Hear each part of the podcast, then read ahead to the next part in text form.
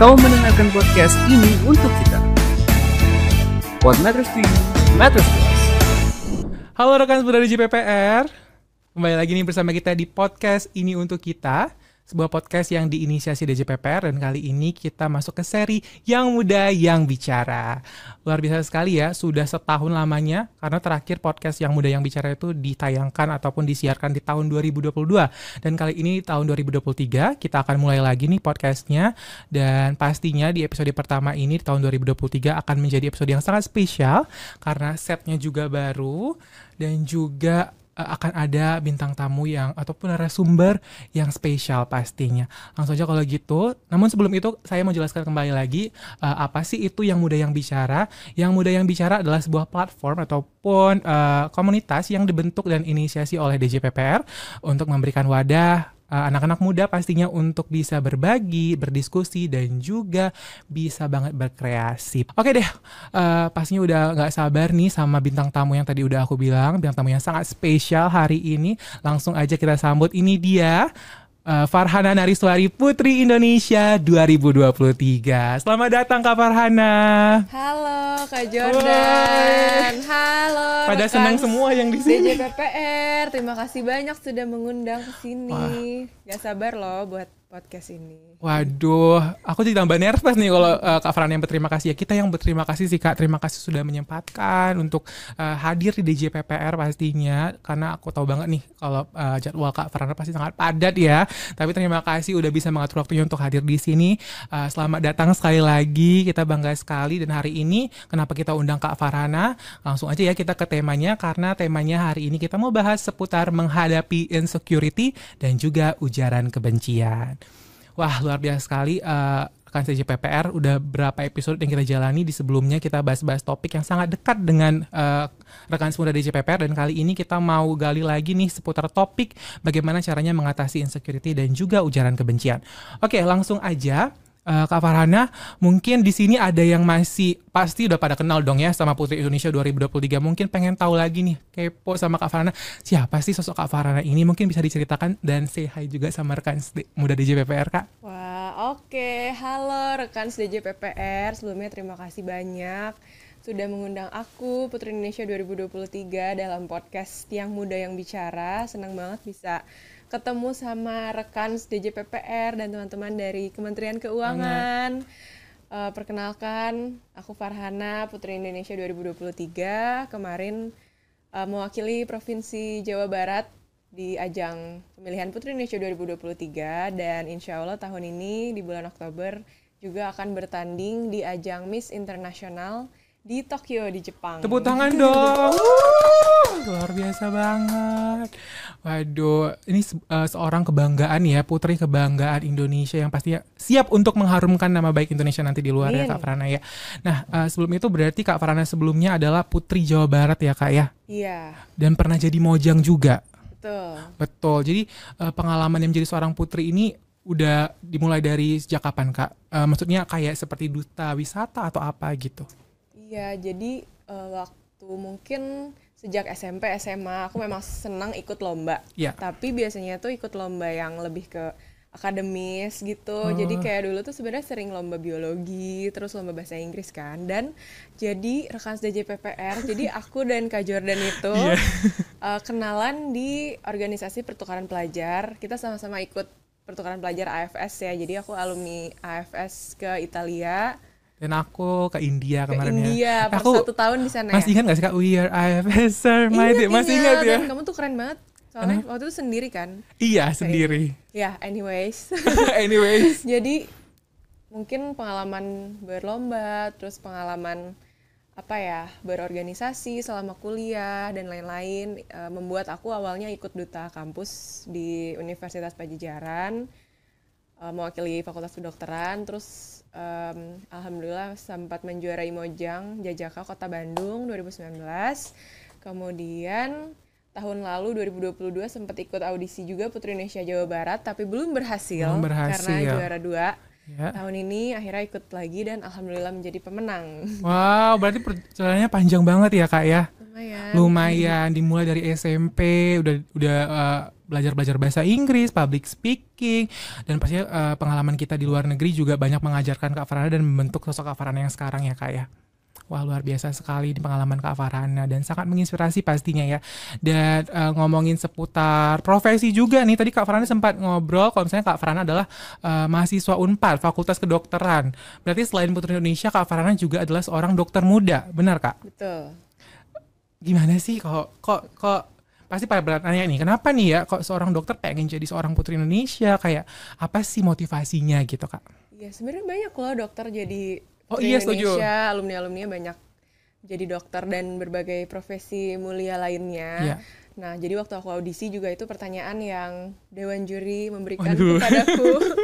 Cuma satu pertanyaannya waktu audisi dan benar-benar pertanyaannya kenapa harus ikut ajang Putri Indonesia gitu kan? Karena mungkin aku melihat dari awal tahu pageant-pageant beauty pageant gitu, memang Putri Indonesia itu kan eh, visi dan misinya adalah eh, menjadi representasi generasi muda di Indonesia dengan kualitas 3B yaitu brain beauty behavior. Jadi hampir 30 tahun Yayasan Putri Indonesia berdiri dan setiap tahunnya mengirimkan perwakilan perempuan-perempuan terbaik di Indonesia untuk bertanding ke luar negeri, kemudian untuk menjadi contoh bagi masyarakat luas, brain beauty behavior. Jadi banyak penilaiannya itu dari eh, dari kualitas eh, apa ya perilaku, kemudian dari proyek sosial yang wajib kita punya. Jadi senang banget kalau di Putri Indonesia lihat em, banyak teman-teman perempuan lainnya yang backgroundnya itu ada yang dokter, ada yang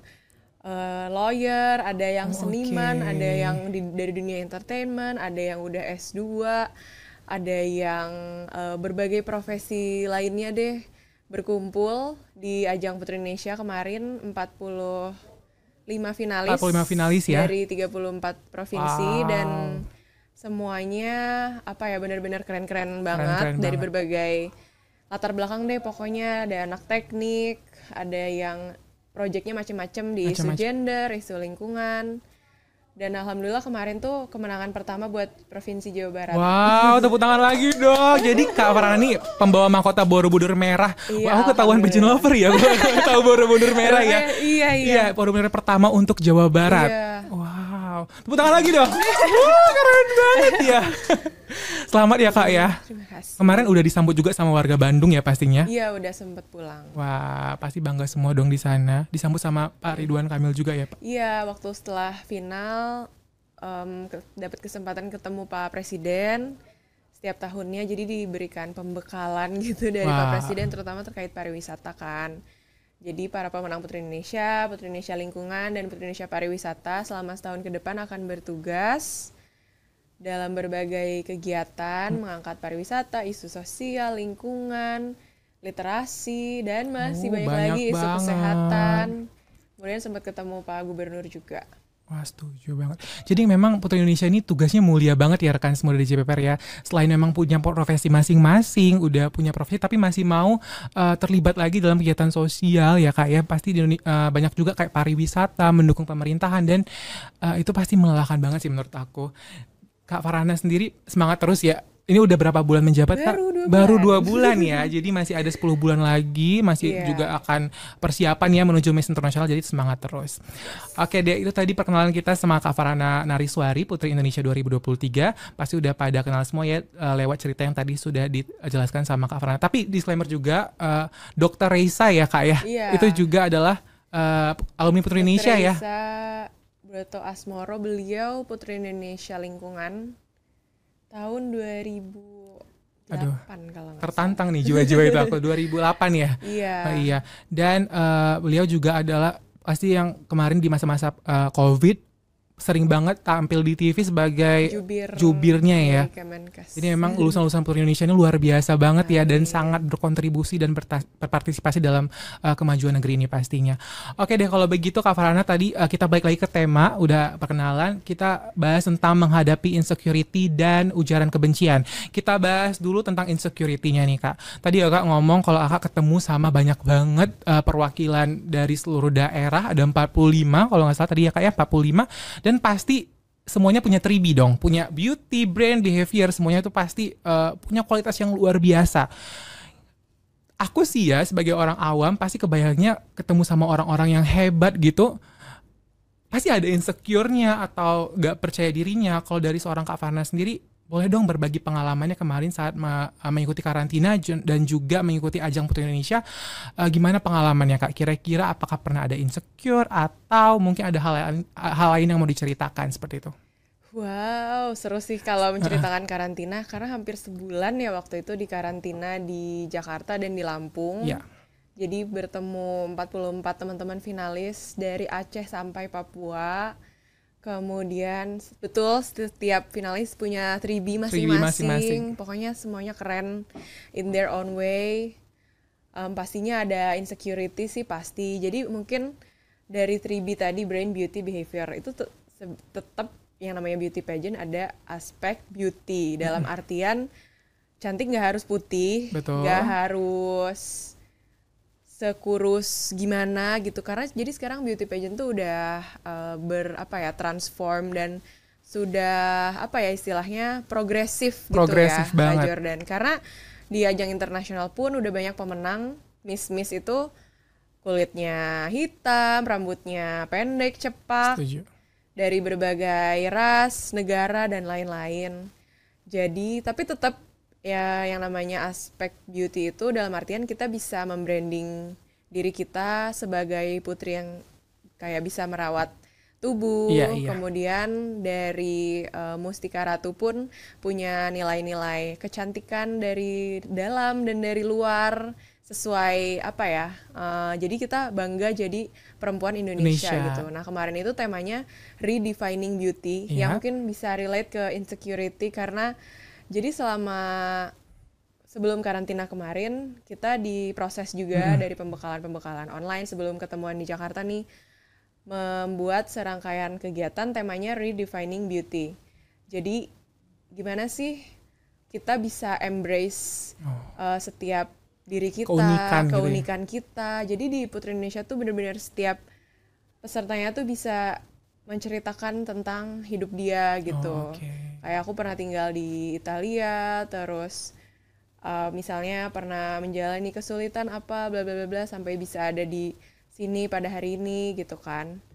Sebenarnya em, seru sih kalau ngomongin Iya, iya. insecurity ya karena secara waktu itu jadi calon public figure Calon juga public aku kan figure. bukan dari dunia entertainment Oh, oke. jadi kayak nggak punya banyak follower sih biasa aja terus harus belajar modeling dan catwalk karena kan acaranya akan berakhir di malam final Iya. membawakan baju dan lain-lain pakai high heels Iya, iya. sepatu hak tinggi 15 cm Senti. tiap hari gitu kan latihan sampai malam pastikan harus ada latihan fisik juga Iya.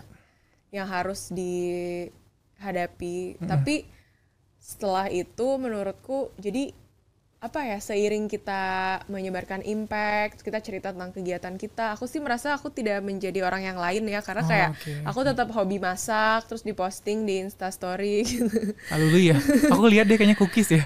Aku itu Oh, yang yang- oh iya. dia masih apa ya share tentang jalan-jalan, kemudian karena hampir setiap hari bertugas kan, jadi kita harus kayak me- mengkomunikasikan berbagai isu kesehatan, pariwisata dan lain-lain, tapi tetap eh, akhirnya waktu itu dari yang awalnya followers 3000 terus kayak besoknya 50.000 ribu Oh, sekarang tepuk tangan lagi 90.000. dong. Keren banget. Nah, tapi tau gak sih sekarang eh, yang Kenapa tuh? isu itu loh centang biru Instagram bisa dibeli. Mungkin itu bisa relate dengan insecurity. Kira-kira kenapa? Maksudnya kayak centang biru yang bisa dibeli sama insecurity. Aku masih belum punya gambaran nih. Iya, Kira-kira iya, Kak. hubungannya apa? Mungkin kalau yang aku lihat nih kalau aku baca tentang insecurity kan a lot of our generation Yes. itu is obsessed with social media segala-galanya tuh medsos Ya. dari dulu juga sebenarnya udah banyak teman-teman kita tuh haus akan like gitu kan sampai kita kadang kalau ngepost sesuatu terus yang like-nya nggak seberapa banyak nih ngerasa down gitu karena itu Setuju. ada loh walaupun aku dulu bukan influencer tapi akhirnya Instagram contohnya aplikasi Instagram membuat si jumlah likes-nya itu jadi bisa ter tidak terlihat Oh, oke. gitu kan sampai ada yang apa ya namanya social media detox ada yang ngerasa Iya, sosmed tuh too much banget karena mungkin kita terus membandingkan hidup kita dengan orang, Orang lain. lain yang orang ngeposting foto-foto selfie estetik atau ngopi dan lain dengan lifestyle tertentu Yes. buat insecure gitu kan Dan makin sekarang ini kayak banyak banget sosial media ya, bukan hanya Instagram, tapi juga banyak banget platform-platform yang bisa membuat kita jadi bisa nge-share hidup kita secara detail. Dan ada juga beberapa yang motivasinya memang tadi flexing itu ya kak ya, kayak memang pengen nunjukin eh, apa tuh lifestyle dia agar diakui sama teman-temannya. Menurut Kak Farana terkait pandangan itu gimana kak? Kadang-kadang ada, memang mereka itu memaksa diri mereka untuk eh, begitu supaya mereka diakui teman-temannya. Wow, oh iya by the way kemarin di malam final Putri Indonesia juga Iya. aku menyampaikan final speech-nya itu Mm-mm. temanya tentang generasi muda yang flexing. Oh gitu. Iya. Jadi cocok banget ya Cocok sama topiknya. Ah, Mungkin karena tren akhir-akhir ini banyak bukan tok pu- public figure ya, cuma ada beberapa sosok yang kayak viral karena memamerkan jabatan orang tuanya Iya, iya, atau iya. dia punya harta banyak dan lain-lain. Memang sih lagi-lagi kayak lifestyle anak muda ketika mungkin literasi keuangannya Iya, iya, belum iya. cukup, Cukup, juga betul. dan memang ketika kita lihat teman kita oh dia jalan-jalan ke mana punya barang ABCD handphone harus iPhone gitu kan terus kayak ada kegengsian gitu Yes. cuman mudah-mudahan uh, orang-orang dan generasi kita di medsos itu lebih ke sharing impact yang positif Positif, positif aja ya setuju. supaya yang baik-baik lebih banyak daripada yang kayak flexing flexing yang akhirnya Yes. kita juga nggak bisa menjadi seperti orang lain kan Yes. gitu. Jadi kalau bisa direlitkan sama Putri Indonesia tadi kakak bilang kalau misalnya menjadi seorang Putri Indonesia juga sekarang berbeda ya bertransformasi yang dulunya memang orang pasti ngelihat Putri Indonesia tuh sosok yang eh, harus putih harus langsing harus gini tapi sekarang tuh terbukti ya pemenang-pemenangnya dari beraneka ragam latar belakang dan mereka itu embrace their uh, own beauty ya kak Iya. berarti memang harus mensyukuri apa yang kita punya sama halnya dengan bersosial media kali ya kak kalau memang teman-teman kita mungkin nih kayak uh, punya pencapaian atau hal-hal lain nih yang kita tidak punya kayaknya memang sebaiknya kita tidak perlu untuk uh, apa ya membalas itu dengan uh, apa ya dengan flexing juga dengan uh, tonjolan diri kita juga. Tapi ya udah memang kalau memang dia kayak gitu ya kita nggak perlu harus terpengaruh gitu kali ya kak Frana ya. Betul betul Berarti kalau kita ngomong-ngomong tentang insecurity ini juga ya kak ya banyak banget nih yang eh, ada nih yang bilang di internet aku juga nemu-nemu nih artikel katanya nih orang yang insecurity itu sebenarnya yang sering juga tuh nebar komentar jahat dan juga eh, ujaran kebencian gitu dari kak Farana sendiri setuju nggak dengan statement itu atau gimana menurut kak Farana? Wah, mungkin kalau bicara tentang hate speech atau ujaran kebencian, itu udah jadi makanan sehari-hari para beauty queen. Dan public figure ya sekarang Iya, ya. iya, betul. Karena kan eh, berapa oh berapa waktu lalu aku juga sempat sharing sama teman-teman masyarakat luas mengenai em, hate speech dan juga kayak cybercrime di internet karena netizen Indonesia itu kan katanya ranking keberapa ter tertidak sopan ya tertidak sopan. kayak Indonesia itu negara yang salah satu paling banyak pengguna internetnya, pengguna media sosialnya, dan netizennya paling barbar gitu. Paling barbar. Cuman uh, hate speech itu akan selalu ada sih dan mungkin semakin ke sini semakin bisa kita apa ya tiap orang punya cara yang berbeda-beda gitu ya Iya. untuk menanggapi hate speech itu. Kadang ada yang public figure yang kalau udah dapat body shaming atau apa daripada pusing langsung block aja gitu ada kan yang which is hak mereka gitu Iya. kan. Karena kadang kalau kita bales malah jadi perdebatan yang Aduh. tidak berujung dan one thing about social media dan hate speech itu kan jadi waktu itu aku mau lontarkan pertanyaan bedanya dunia nyata sama dunia maya apa Iya. tahu apa perbedaannya Eh, coba kak Farana aja jelasin. jadi dunia maya itu adalah di mana kita bisa menjadi anonymous alias Oh, oke. nggak punya Nggak nunjukin nggak nunjuk identitas kita ya, identitas makanya kita bisa semua orang bisa hate speech bisa komentar jahat Iya. gitu kan yang dampaknya tuh sangat-sangat eh, signifikan ke kayak kondisi psikis dan lain karena banyak ya public Iya figure banyak banget. apa istilahnya cancel culture Cancel culture, ya. begitu bikin kesalahan terus di cancel gitu kan tapi kayaknya kebanyakan public figure setuju sih kalau hate speech itu sekarang nggak usah dibales usah dihiraukan gitu ya. iya dan kalau aku pribadi Iya. karena sejauh ini insya Allah yang aku share itu mudah-mudahan selalu positif jadi mendingan tidak aku hiraukan dan aku tetap menjadi diri sendiri Diri. aja dalam artian kayak ada kan yang kita public figure nih misalnya nih para putri Indonesia Iya. dikit-dikit posting ada aja yang nge-hate kayak rambutnya jelek atau tapi kalau misalnya di mem- memberikan saran itu sangat-sangat bagus ya kayak Kritik yang kritik membangun gitu ya, betul. membangun, saran kayak saran untuk ke depannya dan lain-lain dan lain-lain ada yang namanya fans or even pageant lovers juga memberikan support yang luar biasa kan di Indonesia tuh solid Setuju. banget apalagi kalau nanti bertanding ke Internasional, iya. misalkan satu Indonesia bersatu mudah-mudahan jadi kalau yang haters haters gitu karena mereka anonymous jadi let them be Wah, jadi memang kuncinya adalah untuk menghiraukan mereka ya. tidak Karena- Eh, karena kayak forward gitu ya kak kita cuma wasting energi aja kalau misalnya kita terus-terus memikirkan mereka sementara banyak sekali hal-hal positif yang harus kita lihat dan juga kita jalani seperti itu ya Iya, mendingan kita share positif energi sebagaimana Setuju. kita pengen diperlakukan. Jadi kayak seneng kan kalau di sosmed tuh interaksinya kayak ciwi-ciwi Instagram terusnya ih cantik gitu. setuju Keren sih. dan lain-lain. Jadi kita saling uh, mem- apa ya? Bukan bukan berbohong juga ya, bukan saling empower juga. kali ya gimana ya Ah, ah. saling empowering supaya karena kita nggak tahu kan banyak yang depresi, Setuju. banyak yang mau bunuh diri cuma karena hate Hate- speech. padahal nih yang hate juga itu akunnya nggak jelas gitu akun bodong jadi kayak ya udahlah jangan-jangan emang orangnya nggak jelas juga jangan-jangan orangnya emang nggak ada juga gitu. Jadi ya memang nggak usahlah dihiraukan kalau hate speech seperti itu.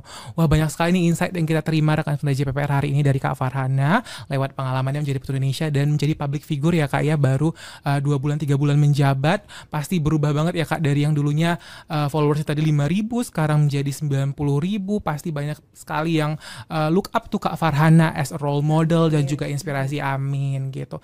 Nah uh, ngomongin hate speech kita nih di pemerintahan juga ya Kak di DJPPR Kementerian Keuangan kita kan Direktorat Jenderal Pengelolaan Pidana Risiko.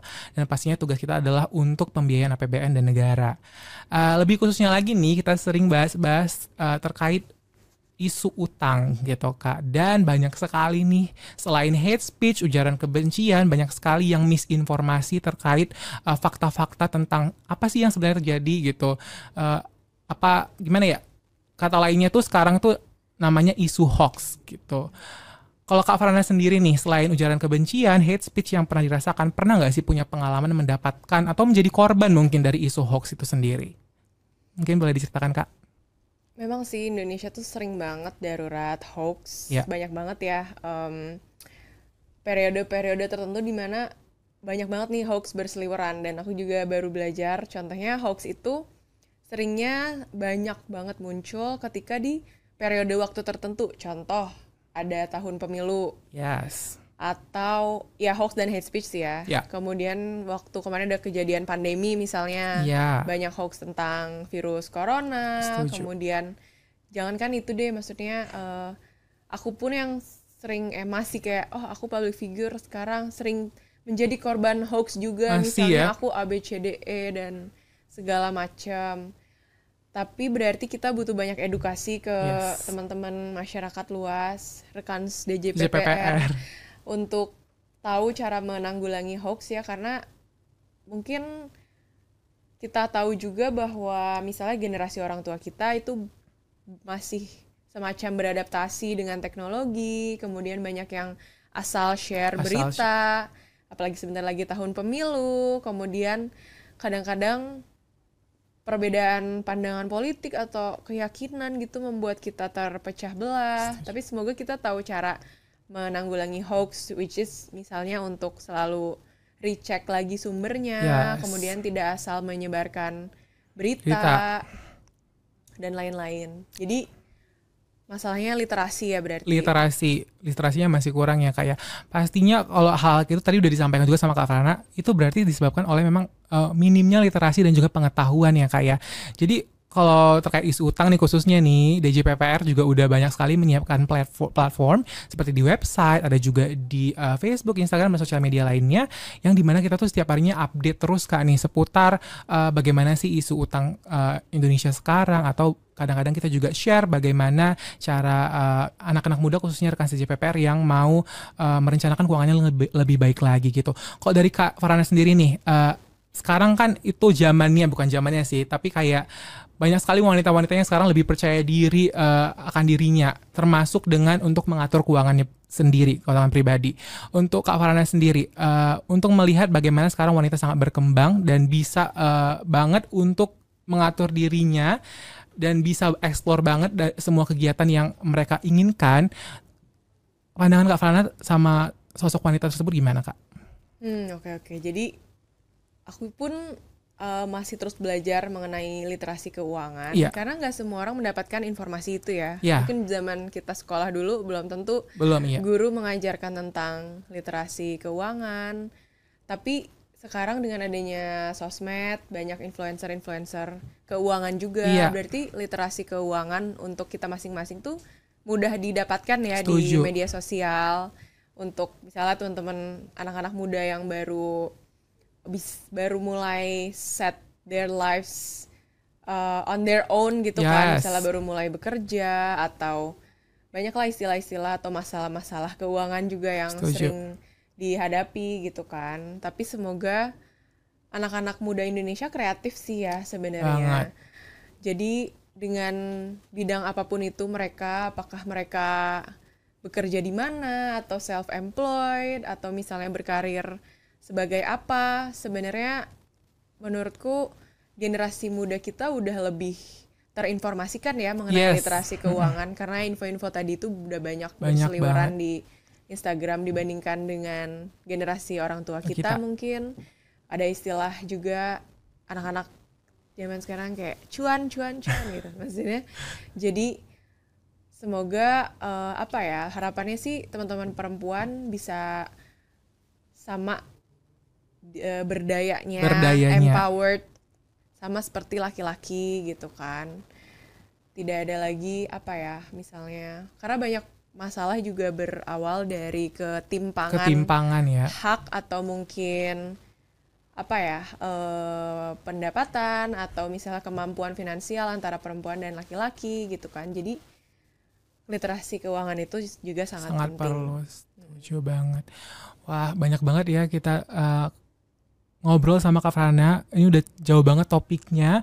Udah banyak banget yang kita pelajari dari sosok Kak Farana sendiri. Pasti rekan semua dari JPPR di sini tuh eh, masih fokus nih untuk dengerin. Untuk selanjutnya kita mau bahas lagi nih Kak. Tadi kita udah ngomongin keuangan tapi kita mau eh, flashback lagi seputar eh, hate speech ataupun ujaran kebencian ya.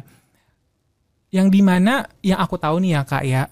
Aduh ini aku jadi ketahuan juga nih ngikutin banget teh Kevin Liliana dulu menang Iya. Miss Internasional ya di Betul. tahun 2017. 2017 dan aku juga ngelihat Kak Farana ikut festival Borobudur yang temanya tentang damai ya apa Kak? Iya kemarin festival Borobudur tentang keberagaman keberagaman di dan aku ingat banget speech eh, Kak Teh eh, Teh- aku so teteh ya padahal nggak kenal ya Kak Kak Kevin Liliana itu eh, tentang bineka tunggal ika yang Yes. dipertunjukkan dan di eh, apa ya digaungkan di Jepang kemarin ya. Ini kaitannya erat banget ya Kak sama hate speech dan juga eh, ujaran kebencian. Jangan sampai hal-hal kecil seperti ini malah jadi eh, awal yang bakal membuat bangsa kita ini nggak bersatu lagi gitu. Ini sama juga ya sama eh, nanti Kak Frana bakal ke Miss Internasional. Itu kan memang tujuan dari eh, apa ya perwakilannya ke sana itu untuk sama-sama biar saling kenal satu sama lain sama negara-negara lain dan biar eh, kedamaian dunia tercipta gitu ya Kak ya. Aduh aku sok tahu aja nih. Bener kok. Bener ya, bener ya. Jadi eh, mau tahu dong Kak gimana sih visi misi Kak Farhana untuk nanti melaju ke Internasional dan ini pasti kaitannya erat banget dengan hate speech dan juga ujaran kebencian itu eh, gimana Kak? Hmm, oke oke oke. Jadi kalau tema Miss International tahun ini sebenarnya ada hashtag Beauties for SDG. Jadi Oh, Miss International sebagai platform beauty pageant untuk setiap finalis perempuan dari negaranya masing-masing melakukan project SDG yang mereka peduli dan tadi pagi pun aku baru melakukan project itu mengenai Oh. stunting kan, kesehatan dan nutrisi anak-anak dan ibu gitu. Jadi eh, dan memang isu hate speech ini juga sangat-sangat eh, apa ya? Sangat-sangat populer sih di ajang beauty pageant. Seringkali kita ditanya gimana cara kita merespon hate speech gitu kan. Karena sering kali bukan kita sebenarnya bukan si beauty queen-nya yang melakukan hate Hate speech, speech. tapi kayak fans-fansnya atau misalnya antara satu negara dan negara Negara lain bertengkar gitu kan. Jadi udah kayak pendukung sepak bola ya beauty pageant itu karena kita bersaing sama negara lain tapi bukannya malah akur tapi malah ber bertengkar gitu ya. tengkar gitu kan. Tapi menurutku juga dengan misalnya pengalamanku pernah ikut, ikut pertukaran pelajar di Yes. Italia waktu itu. Sebenarnya beberapa kali tuh aku pernah cerita sih di podcast-podcast Yayasan Putri Indonesia Iya. waktu itu ada eh, konten sentuhan keajaiban gitu ya. Di situ aku cerita kalau misalnya dan juga di acara di Borobudur waktu itu Oh, iya. aku cerita bahwa aku perempuan Sunda Muslim gitu kan dari Jawa Barat eh, waktu SMA itu pernah tinggal di Italia menjadi minoritas di antara masyarakat yang beragama Katolik dan Yes. merasakan menjadi minoritas itu kan sebenarnya nggak enak ya Nggak karena enak. kan kita ibaratnya nggak punya teman terus sulit untuk beribadah kita nggak bisa bahasa negara Negaranya, itu mm. harus struggle makanya mudah-mudahan aku bisa menggaungkan pesan itu gitu bahwa Oke. ini bentar lagi Agustusan ya lumayan Ya lumayan. relate dengan uh, kemerdekaan Indonesia kan Indonesia itu bineka tunggal ika jadi semoga berbagai suku ras agama yang kita punya di Indonesia tidak memecah belah tapi malah membuat kita saling Satu. mengenal dan membuat kita bersatu Setuju banget tepuk tangan dong untuk Kak Farhana. Luar biasa banget ya visi misinya apa yang eh, ingin dicapai ke depannya dan banyak sekali hal-hal yang Kak Farhana rencanakan ya untuk nanti ke sana pastinya. Eh, rekan dari JPPR semuanya ini kita udah banyak banget bahas dan pasti ini sangat membuka ya pengetahuan dan juga wawasan rekan dari JPPR. Seor- sosok seorang putri Indonesia itu bukan hanya ya yang kita tahu ya pasti harus cantik, harus jago jalannya, juga harus oke make upnya enggak gitu ya. Jadi memang Kak Frana sendiri tuh banyak sekali kegiatannya, mulai dari kegiatan sosial, juga kegiatan eh seba- Kak, Kak Frana sebagai dokter muda juga ada ya tadi Kak ya untuk tadi kegiatan apa Kak yang tadi pagi? itu upaya penanggulangan stunting stunting. Jadi banyak sekali kegiatan-kegiatan yang eh, Kak Farana ini lakukan dan pastinya memberikan dampak positif sekali untuk masyarakat Indonesia. Dan jadi eh, senang sekali nih Kak kita bisa berbagi karena banyak sekali yang stigma-stigma ya kayak Putri Indonesia itu ya cuma untuk cantik aja gitu. Padahal ya di balik itu aku tahu Kak pasti Kak Farana capek banget untuk eh, tapi seneng ya Kak untuk iya untuk melaksanakan seluruh eh, tanggung jawab dan kegiatannya. Eh, Setuju banget. Oke deh, eh, kita juga setelah ini akan masuk sesi selanjutnya, Kak. Sesi selanjutnya adalah kita mau kasih kesempatan nih untuk rekan semua dari DJPPR, eh, followers at DJPPR Kemenq yang sudah memberikan pertanyaannya. Kemarin kita kasih story nih eh, di, di akun kita dan ada tiga penanya terpilih nih. Langsung aja, Kak. Langsung langsung. Ini tapi nggak usah Wah, pressure terima ya. kasih loh udah diberikan pertanyaan. Oh, terima kasih loh. Berasa final lagi. Oh berasa iya ini aku baru mau bilang nih ini jangan ini nggak ada 60 detik ya kak. Dimulai dari sekarang nggak ada ya. Ini relax aja jawabnya. Oke langsung aja. Pertanyaan pertama itu dari Ed Indira Safirda. Eh, Indra Safirda menanyakan ada nggak hate speech yang justru memotivasi seorang Farhana untuk berubah jadi lebih baik yang ada kaitannya juga nih dengan pertanyaan dari Ed Bucincaeng Eh, yaitu insecure itu bisa buat kita jadi termotivasi untuk berubah loh gitu ini nggak pertanyaan sih lebih ke pernyataan jadi tanggapan Kak Farhana terkait itu gimana Kak? Wah ini eh, menarik nih pertanyaan ada nggak hate speech yang memotivasi aku untuk menjadi lebih baik, Baik. kan? Izinkan saya menjawab. Aduh, takut. Eh, waktu kamu eh coki setohang nih. Atau petis jago bukan ya? Eh, silakan Kak Farana. hate speech. Iya iya iya. Jadi sekali lagi bukan hate speech sih, tapi pokoknya komentar netizen itu bisa diklasifikasikan sih ya menurut aku Iya. menjadi constructive criticism Mhm. yang sangat-sangat kita butuhkan. Karena Yes. beauty queen dan public figure juga harus dengerin masukan juga loh, jangan Setuju. keras kepala dan tidak mau jadi lebih baik. Karena kan selalu ada ruang untuk berprogres dan tapi ada juga memang hate speech. Jadi of course yang memotivasi untuk jadi lebih baik bukan hate speech-nya Bukan hate tapi speech-nya. si kritik yang membangunnya gitu. Itu banyak banget sih dan terima kasih untuk semua pageant lovers karena kan mereka tuh memang peminat pageant yang kadang suka DM kita Oh, gitu kan oke. ngasih-ngasih Saran. saran. Kayak misalnya tahun lalu itu waktu awal aku ikut Putri Indonesia Mm-hmm. jadi karena memang bukan model dan kaku banget gitu banyak sih kritik kayak jadi aku dulu eh, jarang senyum gitu kan Oh, karena aku oke. ngerasa kayak pipi aku cabi ya insecure tuh insecurity insecure ya, iya. insecurity kan tiap orang ada insecurity Iya, ya Dan aku sering cerita ini sih kayak aku tuh udah misalnya badannya udah ideal tapi kok pipi aku cabi misalnya Misalnya. real real terus kayak jadi eh, jarang senyum gini mungkin karena kurang terbiasa padahal aku tahu aku baik hati. Wes. jadi eh, termotivasi kan oh orang tuh appreciate kita kalau kita tuh lebih ramah Iya. lebih sering senyum. Karena kan kita bukan orang jahat ya. Jadi alhamdulillah eh, latihan terus gitu kan. Karena kan di beauty pageant ada yang namanya kayak fan service. Maksudnya kayak eh, harus bisa berterima kasih Si- sama para pendukung yang udah mendukung kita gitu kan. Jadi aku termotivasi atau misalnya yang ngasih input terkait apa outfit misalnya atau kegiatan sosial dan lain-lain dan itu mereka benar-benar tidak dibayar kan tapi Iya, mendukung tapi terus mendukung gitu jadi terus.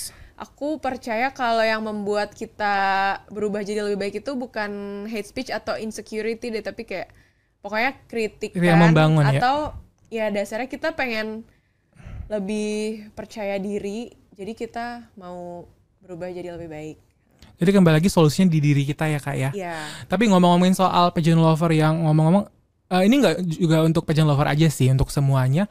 Kalau memang mau mengkritik pasti ada caranya ya kak ya. Memang kadang-kadang nih dia ngatain kita tuh memang kritik, tapi kan bisa memilih bahasa yang lebih halus atau mungkin eh, pemilihan bahasa tuh penting ya kak ya. ya, ya. Jadi memang eh, itu tuh, jadi harus lebih aware ya untuk mengetik ataupun untuk memberikan tanggapan ke public figure ataupun eh, orang-orang di sekitar kita. Oke, kayaknya kita langsung lanjut aja di pertanyaan kedua. Itu dari Iva at Iva Hani. Gimana sih caranya nggak insecure dikelilingi orang-orang hebat? Gimana Kak Farana? wow nggak mungkin insecure dong kalau dikelilingi orang-orang hebat justru bersyukur, Bersyukur karena bisa ya. belajar banyak kan kan ada pepatah kalau misalnya kita ada di satu ruangan terus kita merasa udah pinter berarti kita berada di ruangan yang salah Oh Ya, iya. harusnya kita berada di ruangan yang membuat kita belum pintar, berarti kita Setuju bisa belajar banget. gitu kan. Pokoknya tapi aku selalu bilang ke anak-anak muda buat mencari kelebihannya masing-masing karena kan nggak mungkin ya kita nggak punya kelebihan. Jadi terkadang tuh kamu juga waktu itu waktu di seleksi di pertukaran pelajar AFS iya, iya, iya. pasti banyak penilaian kepercayaan diri juga Banyak sih? Karena kan banget. nggak mungkin ya kalau kita nggak percaya diri untuk Betul. bisa ke luar negeri dan lain-lain. Jadi orang anak-anak Indonesia tuh sering kalau ditanya kekurangan kamu apa banyak kekurangan aku maaf ini nggak pede tapi pas ditanya kelebihan kamu apa nggak tahu gitu kan Yes. kayak kenapa sih nggak pede itu jadi Iya, harus iya, tahu iya. dong kelebihan masing-masing Setuju banget sih. Ini balik lagi ya, aku jadi ingat masa-masa kita pertukaran pelajar sih kak. Apalagi aku kan dulu dari daerah banget ya. Jadi memang eh, lingkungan aku berbeda ketika aku bertemu sama teman-teman kita di pertukaran pelajar. Bener banget sih. Jadi kayak memang kalau kita di lingkungan yang baik, di lingkungan kita yang eh, apa dikelilingi orang-orang hebat itu malah bukan buat kita jadi insecure. Jadi malah bersyukur dan jadi pengen belajar terus-terus lagi dari orang-orang di sekitar kita. Setuju banget nih sama eh, pernyataan dari Kak Farhana barusan. Kita lanjut ke pertanyaan terakhir, pertanyaan terakhir aja nih. Ini dari mana ya? Oh, oke. Pertanyaan dari SHRYUN underscore 10. Pertanyaan singkat banget. Apa inspirasimu? Ini aku juga kurang tahu, tapi kayaknya mau nanyain apa inspirasi seorang Farhana Riswari menjadi seorang putri Indonesia? Mungkin itu pertanyaannya kali ya. Oke oke oke. Jadi sebenarnya banyak ya kalau misalnya kayak tokoh-tokoh perempuan yang aku kagumi. Cuma aku ingin menjawabnya salah satu tokoh yang aku kagumi Lady Diana aja deh. Soalnya Oke. eh, Ini pertanyaan Wait. grand final bukan sih? Bukan ya? kan sharing jadi eh, the late Lady Diana almarhumah, Almarhumah. Lady Diana itu tuh eh, aku menjadikan dia inspirasi dan panutan deh soalnya menurut aku salah satu kriteria paling penting jadi putri Indonesia itu adalah humble, Humble. kayak iya yang sebelumnya aku juga pernah dikritik kan kayak aku tuh tidak humble enough karena muka aku kadang judes gitu ya Oh. Padahal aku baik kan Baik banget. Jadi aku tuh suka berpikir ya karena at first aku juga bukan public figure, terus suka bingung aja gitu sama public figure yang ngerasa dia udah jadi seseorang, terus jadi kayak pengen di treat spesial gitu, Oh, oke. padahal kan kita semua sama aja ya dan kalau dari Lady Diana itu pada zaman dia hidup dulu kan beliau tuh nggak sungkan buat mengunjungi eh, orang-orang yang sakit, terus bisa apa ya nggak capek-capek untuk melakukan charity, aksi sosial dan bener-bener sehumble itu kayak peluk-peluk orang lain, mau salam sama semua orang. Jadi ya prinsip aku adalah dunia ini sudah jahat dan sudah keras untuk setiap orang punya masalah hidup masing-masing. Jadi mendingan kita berbuat baik aja pada Setuju. sesama supaya hidup ini lebih ringan dan lebih indah. Sumpah aku kayak hampir nangis nih. Tepuk tangan dong Iya. untuk. Ini quote-nya bagus banget nih. Bisa di-highlight nanti ya. bisa, Editor bisa. tolong kerja ya. Oh iya.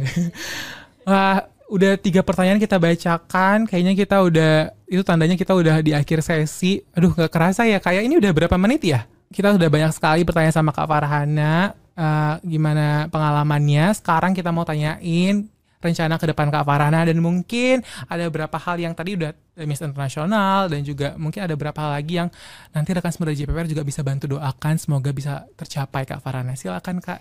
Ya, untuk yang terdekat, jangan lupa mohon doanya untuk keberangkatanku ke Miss Yeay. International pada bulan Oktober nanti. Jangan lupa ditonton ketika malam final mungkin atau di acara-acara lainnya bisa ditonton di YouTube-nya nanti. Jangan lupa nanti dukung melalui voting. Yes. Kemudian semoga eh, bisa membawa nama Indonesia membawa nama harum Indonesia di kancah internasional, terutama eh, dalam bidang eh, SDG nomor tiga yaitu good health. Jadi semoga nanti bisa membawa nama Indonesia yang sudah harum di Yes. ajang internasional. Nasional. Wow, good luck Kak Farhana. Luar biasa sekali. Mudah-mudahan bring back the crown. Karena udah sempat ya kemarin. Ayo Kak, bisa. Oke. Semangat terus. Eh, baiklah rekan CJPPR, tadi itu sesi akhir kita sama Kak Farhana, kita udah tahu ya apa eh, yang ingin Kak Farhana capai dalam waktu dekat, ingin bertanding ke Miss Internasional. Good luck Kak Farhana, sukses terus, terima kasih udah hadir di sini. Dan pasti rekan semua dari JPPR juga sangat berterima kasih untuk Kak Farhana karena banyak sekali mendapat pengetahuan dan juga insight-insight baru terkait bagaimana caranya kita untuk mengatasi hate speech, juga insecurity, dan juga tadi eh, untuk tidak terjebak dan juga menjadi korban isu hoax pastinya. Kalau begitu, saya uh, mewakili tim di sini. Terima kasih untuk seluruh rekan CPR yang sudah uh, menonton ataupun mendengarkan podcast ini sampai akhir. Mudah-mudahan kita bertemu di podcast selanjutnya. Dan buat rekan-rekan CPR yang mau komen ataupun memberikan masukan dan saran uh, untuk podcast selanjutnya siapa nih yang kita undang? Kira-kira topiknya mau bahas apa lagi? Bisa langsung aja ya tinggalkan komen kalian di bawah. Dan juga bisa juga DM uh, di IG kita at DJPPR Kemenq sekali lagi terima kasih Kak Farhana. Dan terima kasih rekan semuda selamat uh, Sampai jumpa lagi di podcast kita selanjutnya. Bye.